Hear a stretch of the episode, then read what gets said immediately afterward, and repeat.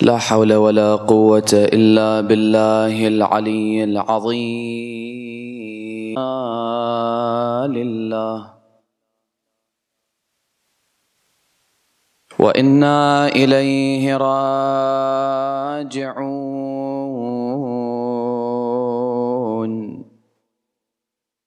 وأفوض أمري إلى الله إن الله بصير بالعباد.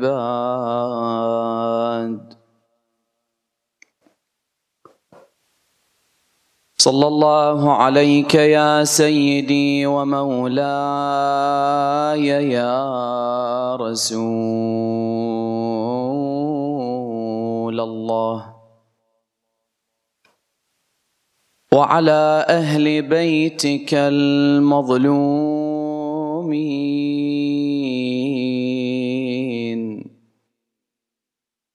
لعن الله الظالمين لكم من الأولين والآخرين.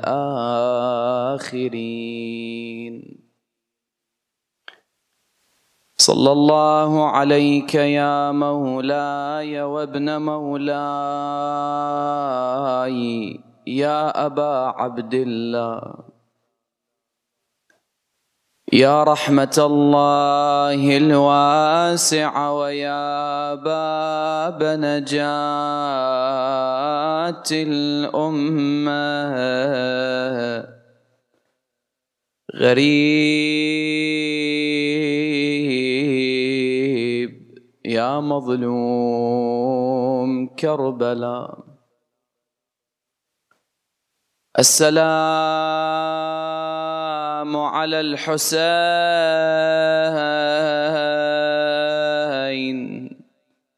وعلى علي بن الحسين وعلى أولاد الحسين وعلى أصحاب الحسين. السلام على أخيك. وحامله لوائك أبي الفضل العباس ابن أمير المؤمنين.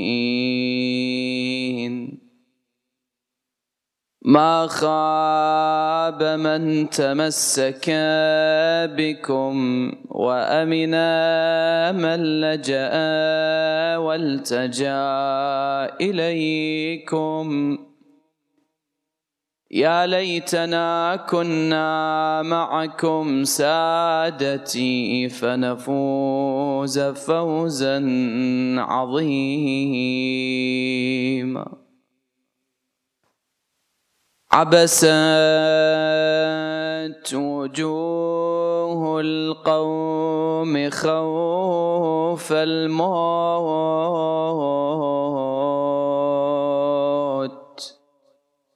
والعباس فيهم ضاحك متبسم قلب اليمين على الشمال وغاص في الأوساط. يحصد في الرؤوس ويحطم بطل تورث من أبيه شجاعة فيها أنوف بني الضلالة ترغم.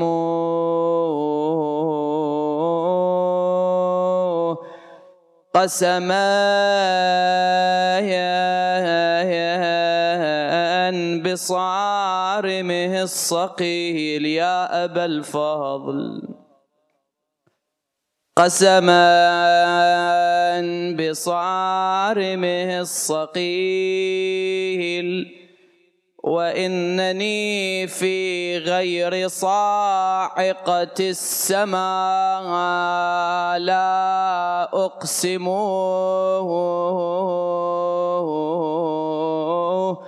لولا القضاء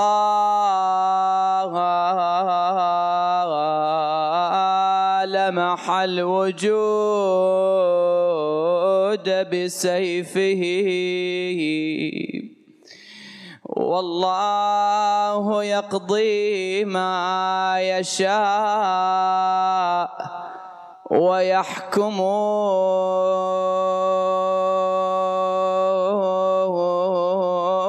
فهوى بجنب العلقم. وليته للشاربين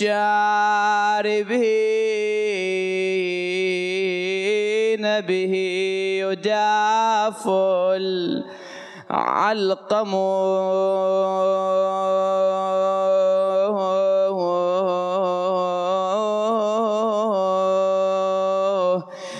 فمشى الحسين إليه وطرفه بين الخيام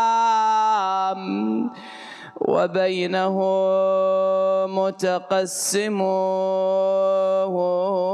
نادى وقد ملأ البوادي صيحة صم الصخور لهولها تتحطم.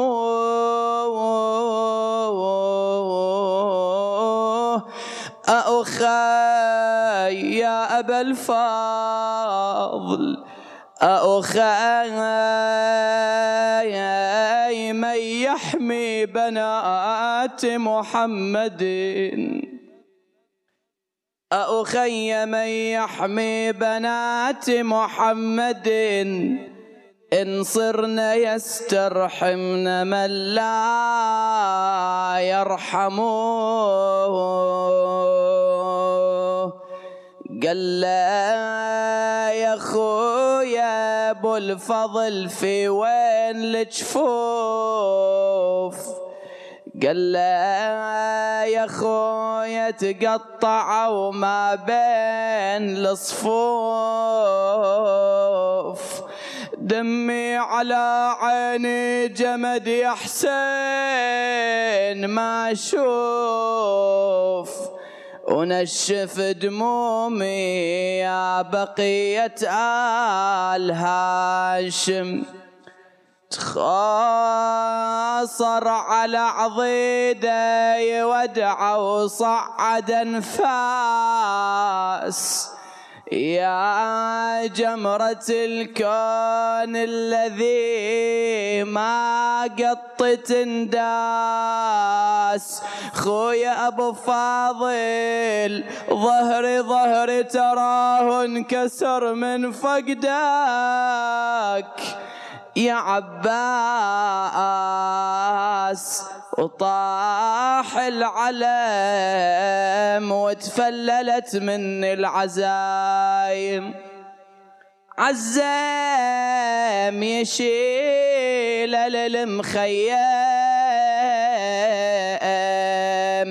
قال ما روح خلني على الشاطئ أعالج طلعة الروح. مقدار أرجع للخيام وانظر زينب تنوح. وانظر دمع سكنة على الخدين ساجم. ولكن الأمر لله. ولا حول ولا قوة إلا بالله العلي العظيم. وسيعلم الذين ظلموا أي منقلب ينقلبون. والعاقبة للمتقين ولا عدوان إلا على الظالمين. بسم الله الرحمن الرحيم. يا أيها الذين آمنوا إذا ناجيتم الرسول فقدموا فقدموا بين يدي نجواكم صدقة. آمنا بالله صدق الله مولانا العلي العظيم. لتعجيل فرج مولانا صاحب العصر والزمان ارفعوا أصواتكم بذكر محمد وآل محمد.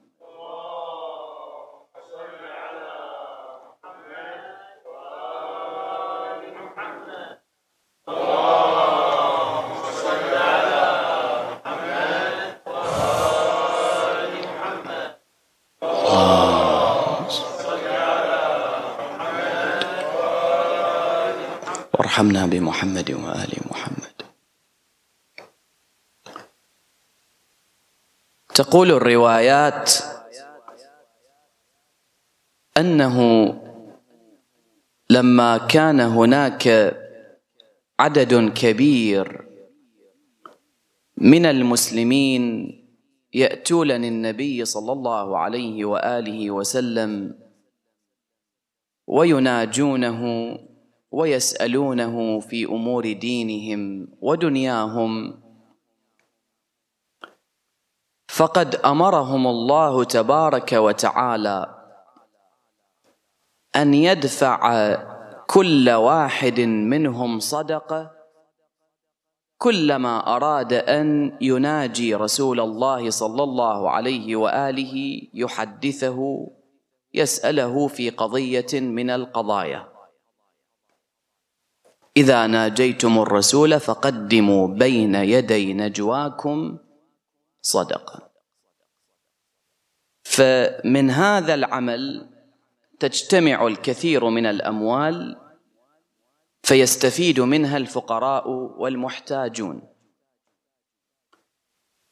ذهب علي بن أبي طالب عليه السلام وابتاع دينارا بعشرة دراهم. وناجى رسول الله صلى الله عليه وآله وسلم عشر مرات. أما باقي المسلمين فقد دخلهم الشح والبخل. فلئلا يدفعوا مالا قبل أن يحدثوا رسول الله فامتنعوا عن مناجاة النبي.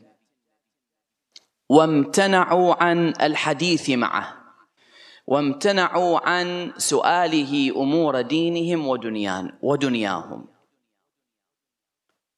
فنزلت الآية الشريفة لترفع عنهم هذا التكليف. ولهذا يقول علي بن أبي طالب صلوات الله وسلامه عليه آية في كتاب الله وهي آية النجوى. لم يعمل بها أحد قبلي ولا يعمل بها أحد بعدي. لم يعمل بها أحد قبله لأنه هو الوحيد الذي امتثل لأمر الله عز وجل ولم يمتنع عن نجوى النبي بل كان الدينار الذي يملكه صرفه إلى عشر دراهم حتى يكثر من حديثه مع رسول الله صلى الله عليه وآله وسلم. ولا يعمل بها أحد بعدي لأنه بعد فعل أمير المؤمنين وبعد أن تبين واقع المسلمين رفع الله التكليف عنهم عندنا في هذه الآية وقفتان للتأمل. الوقفة الأولى أن عندنا في منهج أهل البيت عليهم السلام ثقافة الإعداد لأداء العمل الصالح. فأمير المؤمنين صلوات الله وسلامه عليه في هذه الحادثة قام بإعداد بخطوات لكي يصل إلى غايته وهدفه وهو الحديث مع رسول الله الجلوس مع رسول الله صلى الله عليه وآله وسلم. هذا الإعداد تمثل بهذا العمل وهو أن ابتاع ديناره بعشرة دراهم. هذا الإعداد للعمل الصالح من من الأمور المهمة جدا التي لا بد أن يلتفت إليها المؤمن ولها دخالة في ثوابه الذي يحصل عليه من الله ولها دخالة في ثمرة العمل الذي يصبو إليه. ولهذا ورد عندنا في كثير من أعمال الإنسان التخطيط والإعداد لما يريده الإنسان. مثلا في اختيار الزوجة ورد عندنا الإعداد لذلك. اختاروا لنطفكم فإن العرق دساس. واحد يعد الخطوات يختار الزوجة الصالحة التي تنجب له أبناء صالحين. هؤلاء يكملون مسيرة لا إله إلا الله يكملون مسيرة الإسلام يكملون مسيرة الولاية. ورد عن رسول الله صلى الله عليه وآله وسلم تناكحوا تناسلوا فإني أباهي بكم الأمم يوم القيامة. في طلب الولد الشارع المقدس جعل آداب معينة إعداد معين. تمتنع عن لقمة الحرام بل وحتى عن الشبهات. وإن كان هو الإنسان دائما في كل حياته لكن أكو تركيز خاص في طلب الولد. تتحرى لقمة الحلال الطيب الطاهر من الطعام. تختار الوقت المناسب. تأتي ببعض الأذكار المناسبة. كل هذا في سبيل أن تكون الذرية ذرية صالحة لكي يتحقق الهدف. أن يكثر موالو أهل البيت عليهم السلام يكثر المسلمون في هذه المعمورة لكي ينالوا رحمة الله تبارك وتعالى ويخلدوا في جنان الخلد. وهكذا في كثير من الأمور. ولهذا أنا أعرف بعض المؤمنين من الآباء من آبائنا كبار السن كان عندهم ثقافة إعداد أولادهم لحج بيت الله الحرام. فلما يحصل ولده على مقدار من المال هدية عيدية وغير ذلك هو مسبقا زرع في ولده حب حج بيت الله الحرام. فيقول له ولدي تريد هذا المال أصرفه لك في شراء بعض الأطعمة اللذيذة في شراء بعض الألعاب التي تستأنس بها فترة مؤقتة وقتية.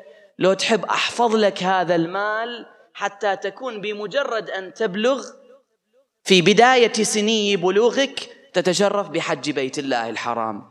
والطفل مزروع في قلبه حب الحج والطواف بالكعبة والإتيان بسائر مناسك الحج. يقول متى هذا اليوم يجي لأكون في حجي من حجاج بيت الله الحرام؟ فالولد بكل رغبة وكل استعداد يقول له لا احفظ لي هالأموال هذه حتى أدخرها للحج. وبالفعل تتكون عنده مجموعة من الأموال.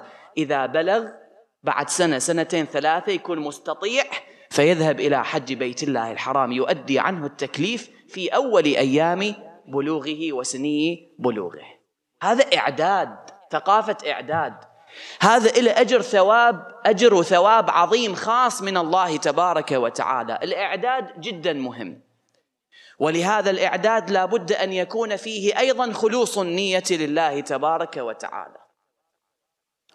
ولهذا ورد عندنا أنه إذا هم هم الرجل لزيارة قبر الحسين عليه السلام واغتسل أهل البيت صلوات الله وسلامه عليه يتكفلون أمره يدفعون عنه البلاء يتكفلون بقضاء حوائجه ويكفلون له دخوله الجنة. مو إذا زار الحسين إذا هم إذا أعد العدة لزيارة الحسين عليه السلام. فإذا الإعداد للعمل هذا كأنما مقدمة عظيمة جدا. لهذا العمل الذي يريد أن يقوم به المؤمن.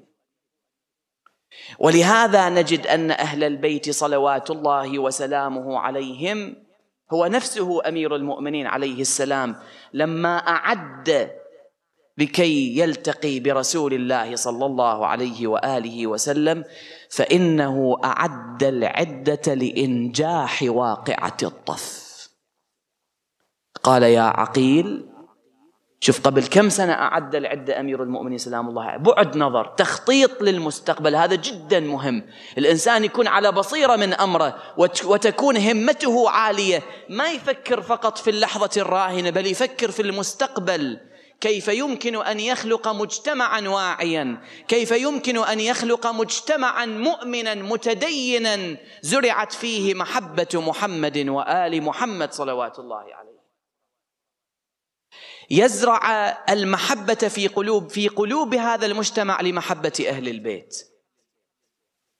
ولهذا أنت تشوف بعض المؤمنين يحرص على أن يعود ابنته على لبس اللباس المحتشم لبس الحجاب قبل وصولها سن التكليف. هذا من الإعداد. لما تروح للمدرسة صف أول ابتدائي بعض المؤمنين هالشكل. يلبس ابنته طفلة عمرها ست سبع سنوات يلبسها حجاب. شو المشكلة يعني؟ قطعة خفيفة تستر رأسها حتى يزرع في قلبها محبة الحجاب. حتى لما يجي عمرها تسع سنوات هذا الشيء مزروع في قلبها. ما تعتبر ابن عمها وابن خالتها. وغيرهم من باقي الأقارب عادي تروح وتجي قدامهم من دون حجاب. لا بعد خلاص تعودت استعدت للبس الحجاب.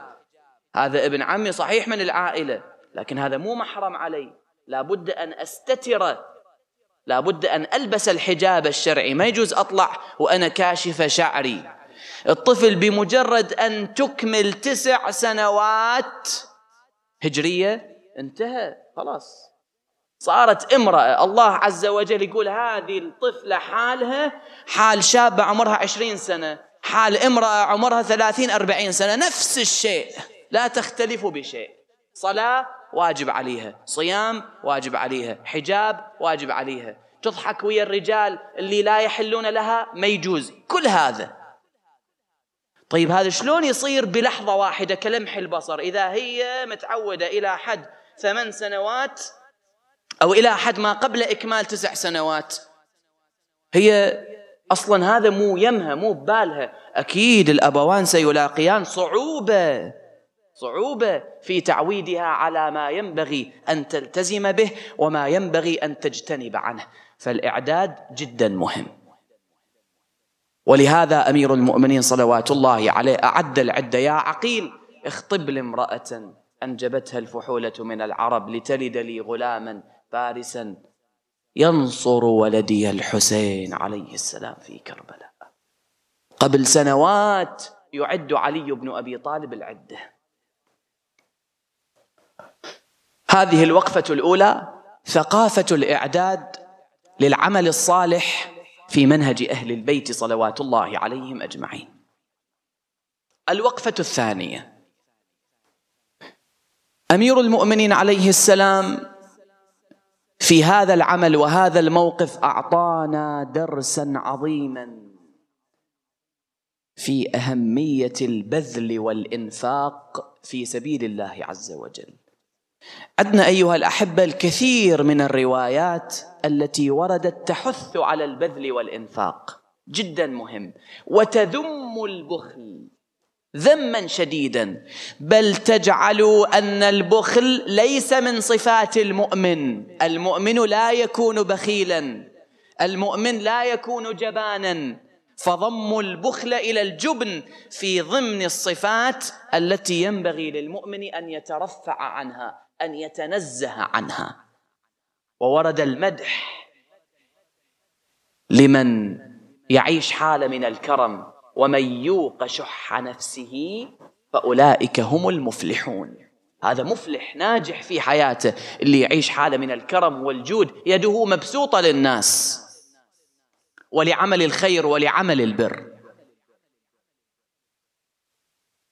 ومن أعظم وجوه الإنفاق في سبيل الله عز وجل هو إنفاق المال فيما يرتبط بقضية سيد الشهداء صلوات الله وسلامه عليه. حتى أن الروايات جعلت عنوانا عنوانا للبذل والإنفاق في هذا الجانب سمته الروايات صلة آل محمد صلوات الله عليهم صلة آل محمد. اللي يصل أهل البيت الله عز وجل يكتب له من الثواب الجزيل والفضل العم والفضل العظيم. ولهذا المؤمن مهما كانت حالته المادية بسيطة لا بأس أن ينفق ولو بمقدار قليل. هذا القليل هو عند الله عظيم. نية المرء خير من عمله. هذا القليل هو عند الله عظيم. هذا القليل من الإنفاق مهما كان قليلا المؤمن لا يستحي من هذا العمل القليل. رب عمل قليل في ظاهره هو عظيم في باطنه عند الله. فلينفق في قضية سيد الشهداء وفي خدمة أهل البيت لأن هذا سبب من أسباب الغنى كما في روايات أهل البيت. هذا سبب من أسباب نزول البركة نزول الخير على المؤمن عليه وعلى أسرته إذا أنفق من ماله شيئا في سبيل أهل البيت باسم أهل البيت. ولهذا أنا أتعجب من بعض الدعوات التي تنتشر في كل عام. ولا تنتشر هذه الدعوات إلا حينما تأتي عشرة عاشوراء. أنه ليش هالأموال اللي تصرف على المضائف وغير المضائف أنفقوا هذه الأموال لمساعدة الفقراء والمحتاجين. طيب هم نفسهم هؤلاء اللي يساعدون أو الذين ينفقون باسم الحسين عليه السلام؟ هؤلاء يساعدون الفقراء والمحتاجين لكن إحنا تعلمنا في ديننا الحنيف أن لكل شيء عنوان. ليش نخلط العناوين ببعضها البعض؟ مساعدة الفقراء والمحتاجين لها مورد. التوسعة على العيال هذا أيضا من عنوان من العناوين. التوسعة على العيال إلها مورد. والإنفاق والبذل في سبيل الله عز وجل وفي سبيل أهل البيت هذا أيضا مورد. واحد ما يصير يقول أنا أعيش عيالي بفقر حتى أروح أساعد الفقراء والمحتاجين. هذا مو صحيح. نقول له لا الأقربون أولى بالمعروف.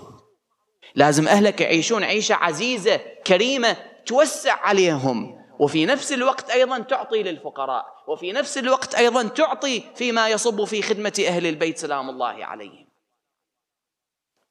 فإذا لكل شيء مورده في الإنفاق ولا يصح أن يدخل عنوان بآخر. فإذا كان الفقراء هم الذين يدعون إلى الإنفاق فيما يتعلق بقضية الحسين سلام الله عليه مهما كان قليلاً.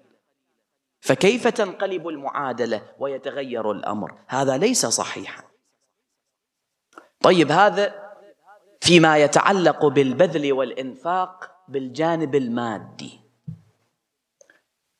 هناك بذل وإنفاق أعظم من الجانب المادي وهو بذل النفس في سبيل الله عز وجل.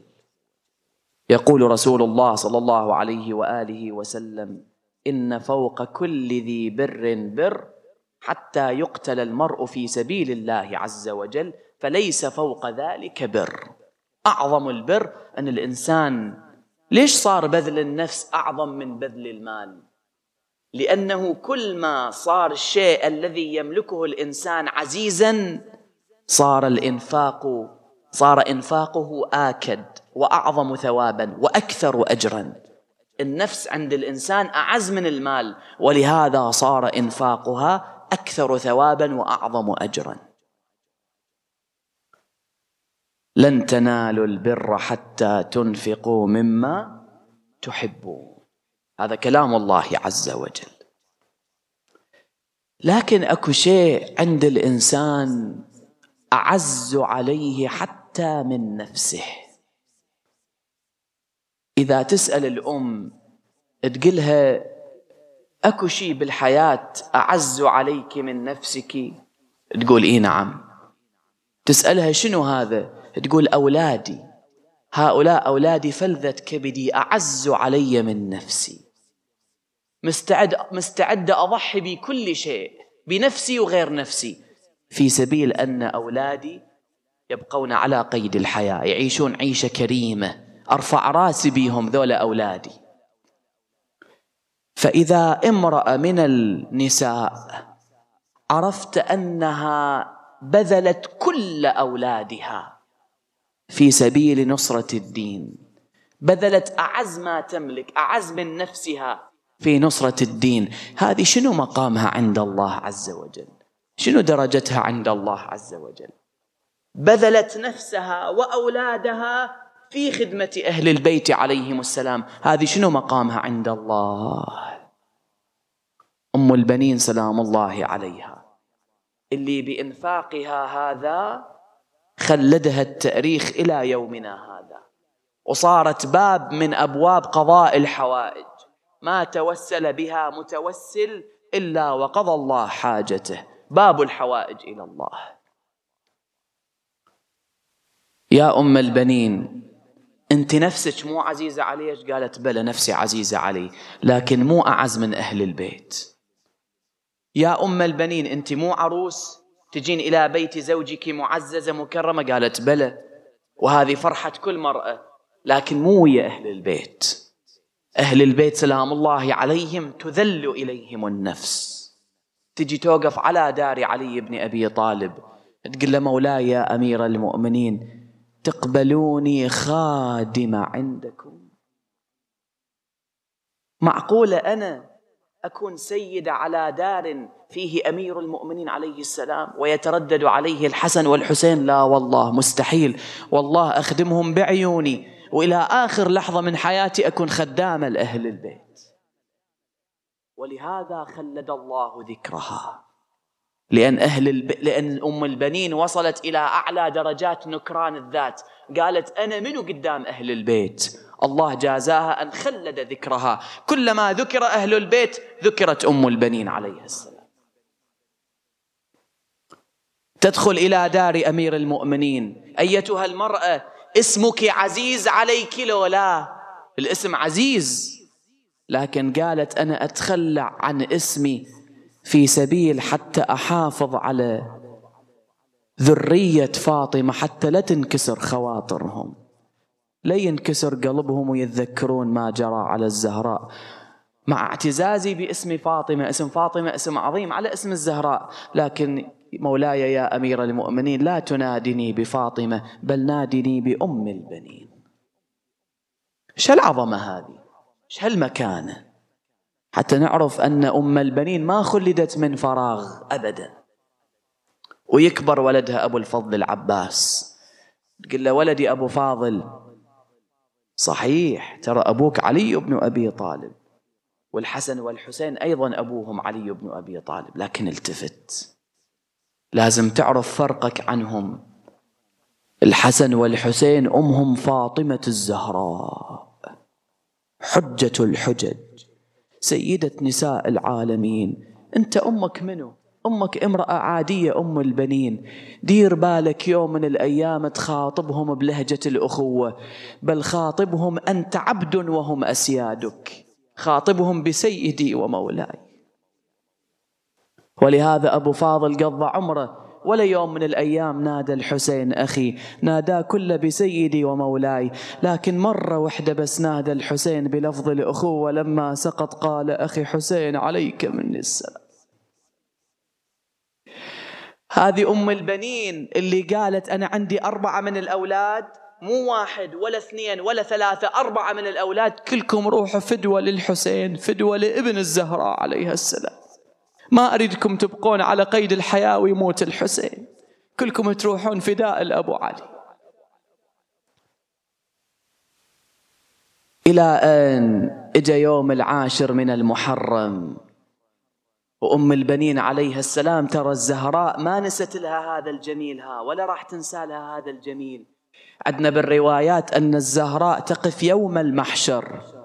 يسألها الله عز وجل فاطمة أنت ظلاماتك كثيرة بأي ظلامة تبدأين تبدأين بمصائب رسول الله؟ قالت لا يا رب.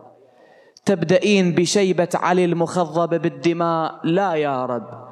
تبدأين بكبد الحسن المفتت من حرارة السم قالت لا يا رب.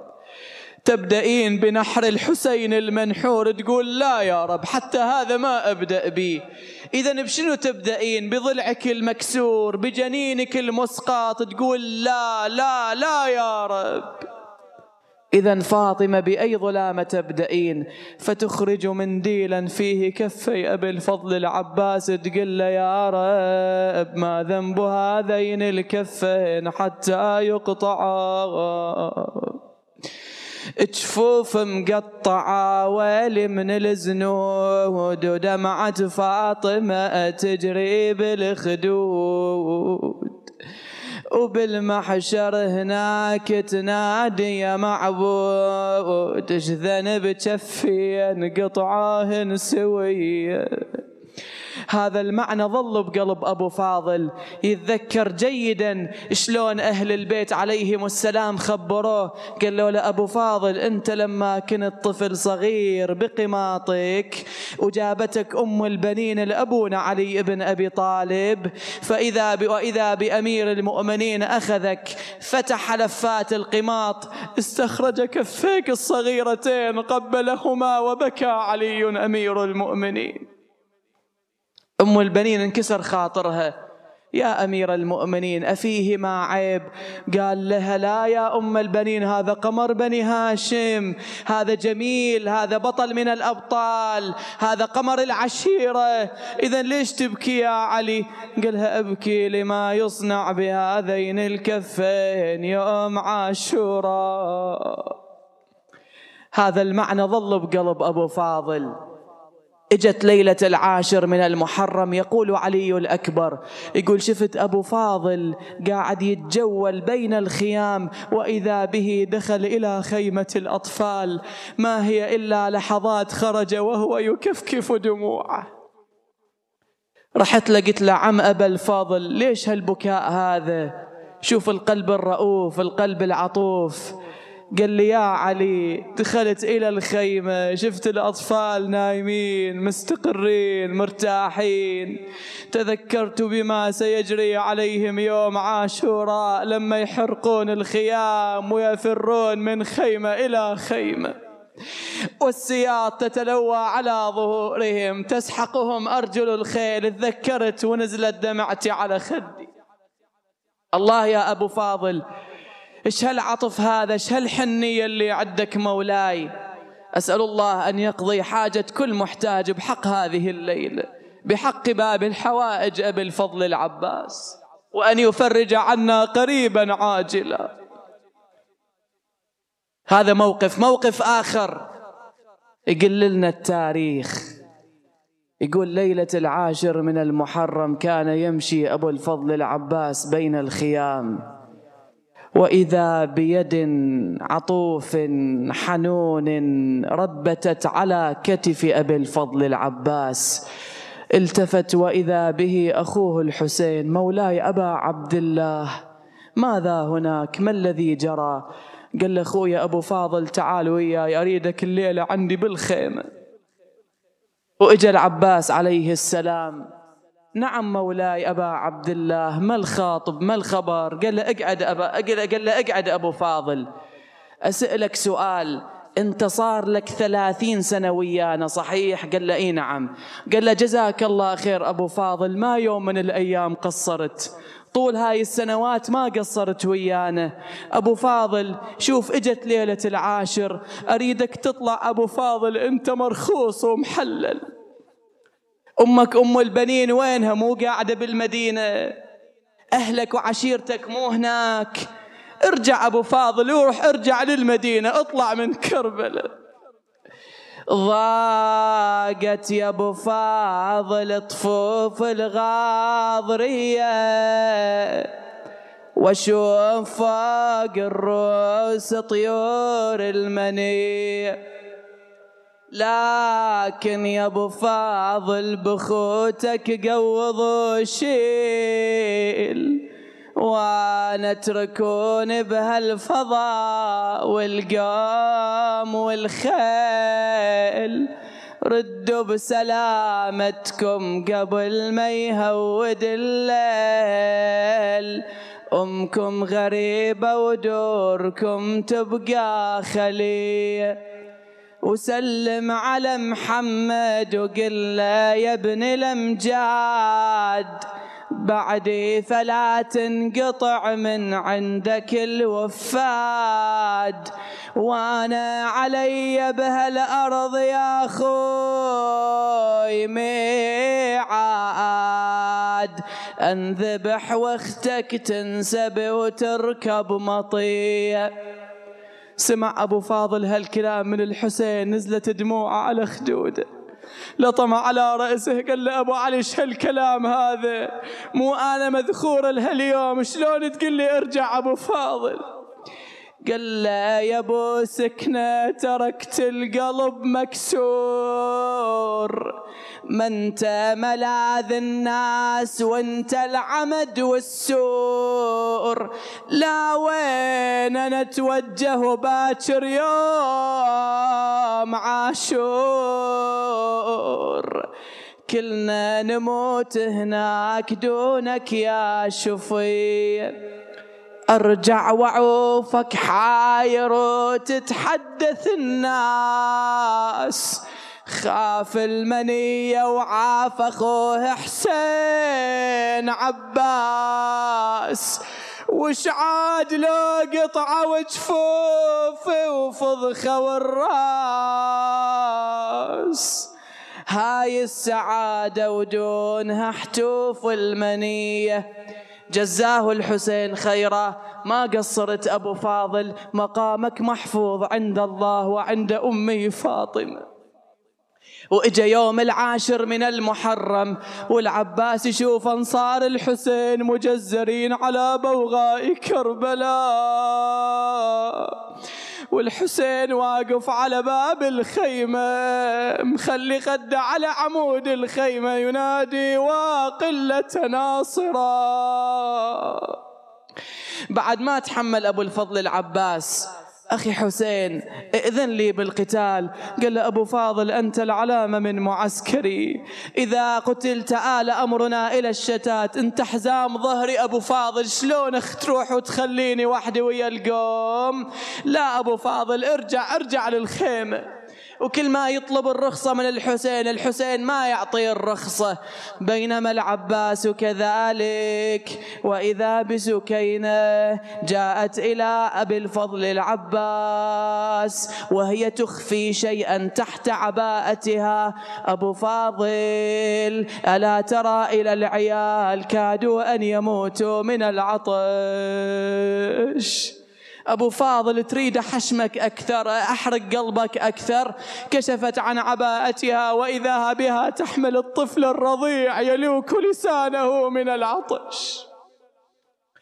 قالها وحقك يا سكينة إجت الرخصة. راح للحسين. قال له أبو علي بعد ما أتحمل. يا حسين سكنة بطفلك الملهوف جتني. يا بس لسانه وشوفته والله شعبتني. حال العزيزة وحال أخوها حسين فتني؟ يابس لسانه والرضيع يدير عين. قال له ما يخالف أبو فاضل أعطيك رخصة لكن رخصة مشروطة. تروح تجيب الماء وترجع. راح أبو فاضل نزل إلى المشرعة وجد برد الماء غرف غرفة أراد أن يشرب. ذكر عطش الحسين يا نفس من بعد الحسين هوني وبعده لا كنت أو تكوني. هذا حسين وارد المنون وتشربين بارد المعين. تالله ما هذا فعال ديني ولا فعال صادق اليقين. رمى الماء على الماء وتوجه بالقربة إلى الأطفال. وضع القربة قال يا أطفال الحسين لقد حضر الماء فحضر الأطفال. هذا يضع خده على القربة هذا يضع صدره عليها تكاثروا عليها فأريق ماء القرب. نزل الجود وصارت على الجود لما هذه تون وتصيح عطشانة يا عمة. وانهرق ماي الجود ما حد شرب منه. وظلوا بعطشهم ما أحد منهم شرب ماي. عزم العباس على خروجه الأخير. ودع الحسين ودع زينب وبرز إلى الميدان. حدر قمر هاشم على جيش العدا وصال حدر قمر هاشم على جيش العدا وصال رمح المنية وصار ما بتار لا جال. مثل الزلازل من حدر تسمع رعيده. متبختر مكيف ملاقى الموت عيده. حتم القضب سيفه وعزرائيل بيده. ضيق فضاها والعساكر شافت اهوال صال وذهلها بصولته ولفها ونشرها وذوايبه فوق المتن فلها ونثرها وطفح بميمونة على اليمنى وكسرها. وإذا بزينب تنظر إلى بطولات أبي الفضل العباس. وحسين لازم مركزه وتجري دموعه يشوف نسف جيش العدا وشتت جموعه وطلعت مريبة وتنتظر زينب رجوعه. تصيح الكفيل بطاعة ساهي عود خيال. زينب عينها على راية أبو فاضل بينما هي كذلك وإذا بها تشوف الراية تتمايل يمينا شمالا. بينما هي كذلك وإذا بها تسمع الصوت أخي حسين عليك مني السلام. يا أختي يا زينب. قطعة ويش مالي ويميني. دارت علي صفوف لا تترقبيني يا أختي يا زينب فرقا وبينك وبيني. إن كان طحت على الثرى سلي يسكن. منكم يا زينب ايسيت للخيام ما أعود. جفوف تراها تقطعت وتمزق الجود. والسيف ما ينشال يا زينب بلا زنود والطير ما يطير وجناحه كاسرين مثل ما وصل رسالة لزينب وصل رسالة للحسين. لكن خويا أبو علي تعال اسمع شو اللي هون علي المصيبة. يقل على العلم حطيت ذرعاني وضميته لصدري والعمد جاني. وتاليها طحت عن صهوة حصاني أبو علي وشفت أمك وشافتني يا نور العين. هنيئا لحضرة للزهرة جيت جت لي وشالتني عن الغبرة. وضمتني لصدرها وصاحت الزهرة. هذا حسين جالك من كسور. ظهره وشفت العين ملطومة يا نور العين. وإذا بزينب عليها السلام طلعت قالت وين الكفيل؟ الحسين ما تحدث وإنما جاء إلى خيمة أبي الفاضل. هز عمد الخيمة فسقطت الخيمة على الأرض. يعني يا زينب راح العباس. هل من مناد وعباسا أي وسيدا عاد زينب عليها السلام مشت خطواتها. مشت خطوات كأني بها تخاطب أبو الفاضل. تقول له أبو فاضل وعدك وين؟ وعدك وين؟ يوم اللي ركبوني على الناقة وين أبو فاضل؟ ما تجي تركبني. تقول له اسمع عتابي.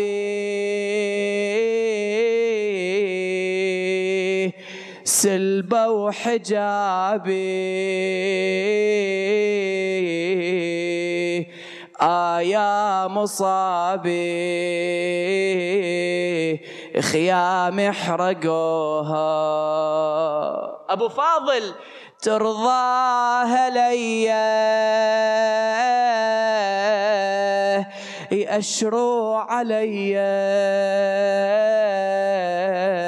يقولوا سبية بل انظروها.